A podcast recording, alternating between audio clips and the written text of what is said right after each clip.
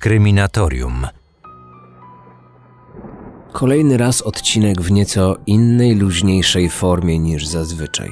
Co prawda, nasza ogólnospołeczna kwarantanna i alienacja powoli chyba dobiega końca, a przynajmniej zasady nie są już tak restrykcyjne, ale to nie znaczy, że nie znajdziemy czasu na dobry, ciekawy film, prawda? Szczególnie taki, który bazuje na prawdziwej sprawie kryminalnej.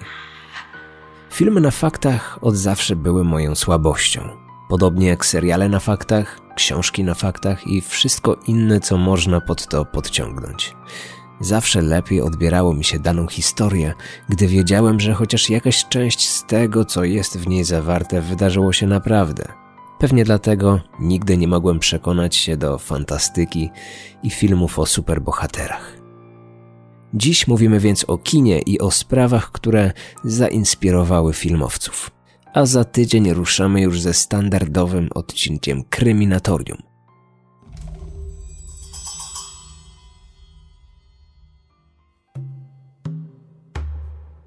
Dług. Rok produkcji 1999. Reżyseria Krzysztof Krause. Podobny odcinek o filmach na faktach opublikowałem kilka dni temu. E, zajrzyjcie więc, jeżeli jesteście ciekawi. Wtedy również zaczynałem od produkcji polskich i nie inaczej będzie i tym razem. Od razu ostrzegam, że w tym materiale, w tym podcaście mogą być spoilery tych filmów. Dług. To film, który kojarzy mi się z dzieciństwem. Osoby w moim wieku albo nieco starsze będą pewnie pamiętać, że pod koniec lat 90. albo na początku 2000 płyty z filmami często były dołączane do gazet.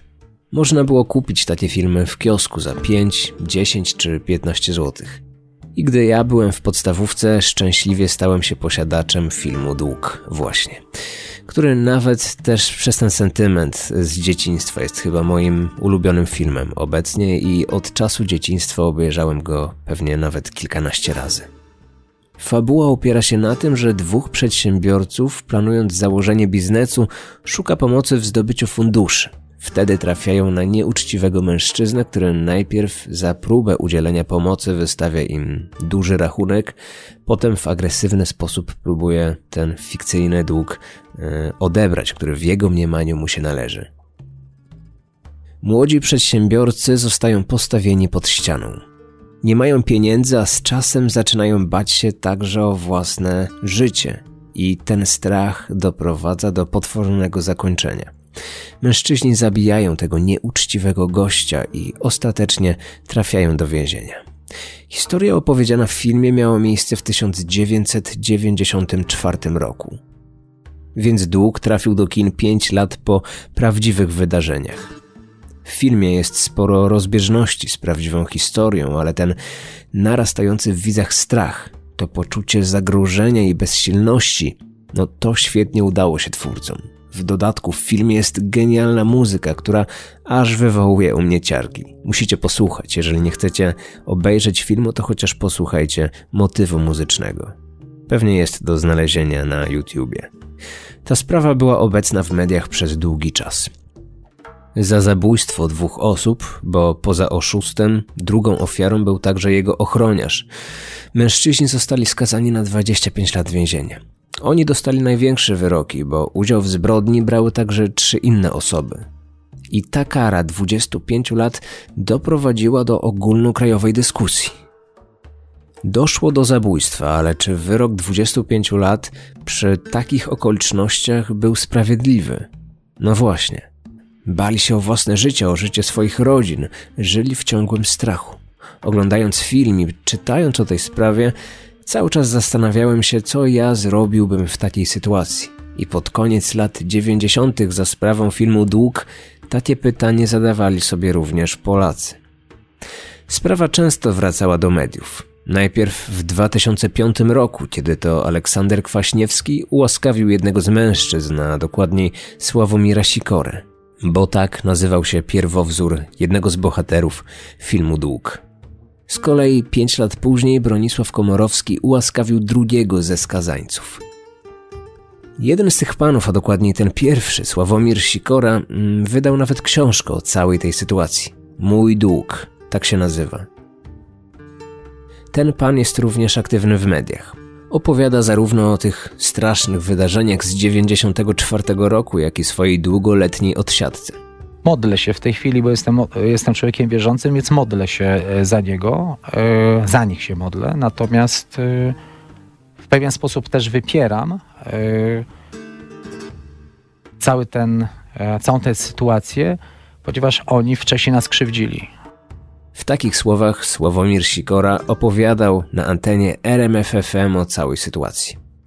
Wywiadów z tym panem w internecie można znaleźć wiele. Miał nawet prowadzić program kryminalny w znanej stacji telewizyjnej, ostatecznie jednak do tego nie doszło, ale pilot z tego odcinka jest dostępny na YouTubie. Zresztą po wpisaniu nazwiska tego pana znajdziecie wiele, wiele wypowiedzi, które dotyczą całej sprawy, jak i więziennictwa i procesu resocjalizacji. Moja ocena dla filmu Dług to oczywiście z lekkim sentymentem z dzieciństwa 10 na 10. Lynch, rok produkcji 2010, reżyseria Krzysztof Łukaszewicz. Film dosyć krótki, bo liczy zaledwie godzinę i kilkanaście minut. Film, który w nagraniach promocyjnych polecał pan z poprzedniego tytułu, czyli Sławomir Sikora. Posłuchajcie. Zobaczcie w kinach film Lynch. To najmocniejszy i najbardziej poruszający polski film, jaki widziałem w ostatnich latach. Idźcie do kina i pomyślcie, jak wy zachowalibyście się w podobnej sytuacji, bo taka historia może przydarzyć się każdemu z was. Główną rolę gra tutaj Wiesław Komasa, ojciec popularnego dziś reżysera, który jest niezwykle w tej roli przekonujący. Historia jest w jakiś sposób podobna do tego, co mogliśmy zobaczyć w długu. Tym razem bohaterzy muszą stawić czoła agresywnemu mężczyźnie, który terroryzuje nie tylko ich i ich rodziny, ale również całą wioskę. Różnica jest taka, że teraz nie chodzi o pieniądze. Zastraszał całą społeczność. W końcu kilku mężczyzn skrzyknęło się, aby samodzielnie wymierzyć sprawiedliwość. Prawdziwe wydarzenia miały miejsce w 2005 roku we wsi Włodowo. To województwo warmińsko-mazurskie. Sprawa znana jest w mediach pod nazwą Samosąd we Włodowie albo właśnie Lincz we Włodowie. Tym agresywnym napastnikiem był przestępca, kryminalista, który ponad 30 lat spędził za kratkami. Gdy wychodził na wolność, bała się go cała wioska i cała okolica. Zaczepiał przypadkowych mieszkańców, a w tym kulminacyjnym momencie zaczął atakować bezbronne kobiety. Odgrażał się, że będzie zabijać i biorąc pod uwagę jego zachowanie oraz tę kryminalną przeszłość, te groźby były wiarygodne. Wszystko mogło wyglądać inaczej, gdyby policja zareagowała na zgłoszenia mieszkańców. Sprawa była jednak bagatelizowana i to doprowadziło do tragedii. W ataku miało brać udział siedmiu mężczyzn. Ostatecznie ci policjanci, którzy bagatelizowali zgłoszenia, również zostali skazani. A proces y, oprawców był głośnym wydarzeniem w całym kraju.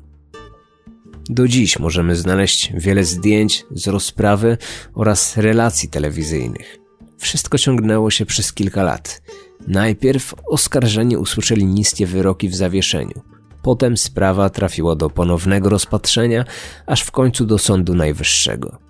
Trzech mężczyzn, którzy według sądu mieli największy udział w zabójstwie, usłyszało wyrok czterech lat więzienia. Ostatecznie jednak oni również zostali ułaskawieni przez ówczesnego prezydenta Lecha Kaczyńskiego. Film Lynch ode mnie otrzymuje 7 na 10. Foxcatcher, rok produkcji 2014, reżyseria Bennett Miller. Film w 2015 roku otrzymał pięć nominacji do Oscara. Z opisu możemy wywnioskować, że jest to opowieść o sportowej rywalizacji, o przygotowaniach zapaśnika do Igrzysk Olimpijskich, a we większości promocyjnych wzmianek na temat tego filmu nie ma zbyt wiele informacji o zbrodni, która również jest ważnym elementem tego filmu. Wydarzenie, o którym mowa miało miejsce w 1996 roku. Milioner i niespełniony sportowiec John DuPont na terenie swojej posiadłości otworzył ośrodek szkolenia dla zapaśników pod nazwą Foxcatcher. Pod jego skrzydła trafiali najbardziej utalentowani zapaśnicy, którzy przygotowywali się tam do największych sportowych wydarzeń. W jego zespole byli również dwaj bracia, David i Mark Schulz, którzy oprócz DuPonta są głównymi bohaterami tej opowieści. Sportowcy mają w Foxcatcherze naprawdę świetne warunki, ale właściciel tego przybytku z biegiem lat zmienia swoje zachowanie i w końcu w ośrodku dochodzi do tragedii, w wyniku której ginie jeden z bohaterów.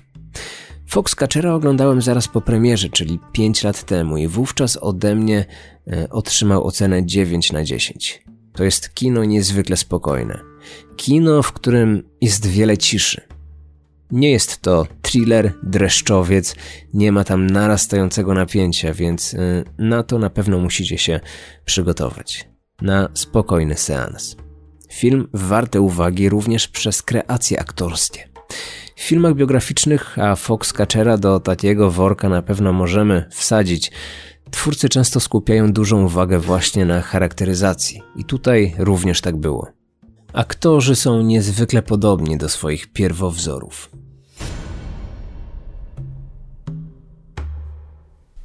Oszukana. Rok produkcji 2008. Reżyseria Clint Eastwood. Miały być filmy o zbrodniach, a w tym filmie co prawda zbrodni nie ma, ale jest wielka tajemnica związana z zaginięciem chłopca. Sprawa miała miejsce w Los Angeles w 1928 roku. Główną rolę w filmie odgrywa Angelina Jolie. Wciela się w postać zrozpaczonej matki Christine Collins, która straciła swoje dziecko. W mieście ruszają poszukiwania. Sprawa nabiera rozgłosu. Pisze o tym lokalna prasa aż w końcu po kilku miesiącach dochodzi do przełomu. Policja informuje, że zaginiony syn został odnaleziony. Matka zabiera go do domu, ale po trzech tygodniach wraca do policjantów, mówiąc, że odnaleziony chłopiec jednak nie jest jej synem. Potwierdzają to także osoby, które chłopca znały wcześniej. Wtedy rozpoczyna się prawdziwa lawina ciekawych wydarzeń, ponieważ matce nikt nie chce uwierzyć. Zostaje zamknięta w placówce medycznej, za co później pozywa policję do sądu. Proces odbija się szerokim echem. Mówiło się o tym, że chłopiec padł ofiarą seryjnego zabójcy, ale jego ciała do dziś nie odnaleziono. Matka do końca życia czekała na swojego syna, wierząc, że w końcu wróci do domu cały i zdrowy. Niestety tak się nie stało. Ta sprawa jest już na mojej kryminatoryjnej liście tematów do zrealizowania. W tym podcaście na ten temat pojawi się znacznie więcej szczegółów. Moja ocena dla filmu Oszukana to 8 na 10. Krzyk w ciemności. Rok produkcji 1988. Reżyseria Fred Skepsi. Tutaj z kolei główną rolę gra inna, znana niezwykle aktorka. Meryl Streep, która za tę rolę otrzymała nominację do Oscara. To najstarszy film z tego dzisiejszego zestawienia, bo ma już ponad 30 lat. Dotyczy historii, która miała miejsce w Australii w 1980 roku. Wtedy to młode małżeństwo, rodzina Chamberlainów, wybrała się na samochodową wycieczkę, której celem była skała Ayers Rock, uznawana za święte miejsce rdzennych aborygenów. Tam rodzina rozbiła obóz razem z innymi turystami. W nocy jednak matka zaalarmowała wszystkich, że pies Dingo porwał jedno z dzieci państwa Chamberlainów, Azarię. Dziecka nie udało się odnaleźć, a sprawa stała się niezwykle medialna. Cały kraj zastanawiał się, czy dziki pies byłby w stanie zachować się w taki sposób. Czy zwierzę jest na tyle silne, aby w zębach zabrać ze sobą dwumiesięczne dziecko? Ludzie byli w tej kwestii podzieleni. Tym bardziej, że z czasem zaczynało wypływać wiele niejasności i wątpliwości. Podejrzenia padły na matkę. Czy kobieta zabiła córkę, a potem upozorowała porwanie przez Dingo? Sprawa trafiła do sądu, a zagadka wyjaśniła się dopiero po wielu latach. To najgłośniejszy proces sądowy, jaki miał miejsce w Australii i w ogóle jedna z najgłośniejszych spraw kryminalnych, z jakimi mieliśmy styczność. Film skupia się na okresie od zaginięcia i śmierci dziecka aż do wydania wyroku w tej sprawie. Widzimy, jak ta historia była przedstawiana wtedy przez media. Widzimy, jak duże wzbudziła zainteresowanie u zwykłych ludzi. Widzimy, jak radziła sobie z tym wszystkim rodzina Chamberlainów. Moja ocena dla tego filmu to 7 na 10. A wy? Znacie inne tytuły filmów na faktach, które warto zobaczyć? Swoje propozycje możecie zostawić w komentarzu pod materiałem na YouTube lub na facebookowej grupie Kryminatorzy, na którą zapraszam wszystkich słuchaczy. Do usłyszenia, jak zawsze, w kolejny poniedziałek. Trzymajcie się.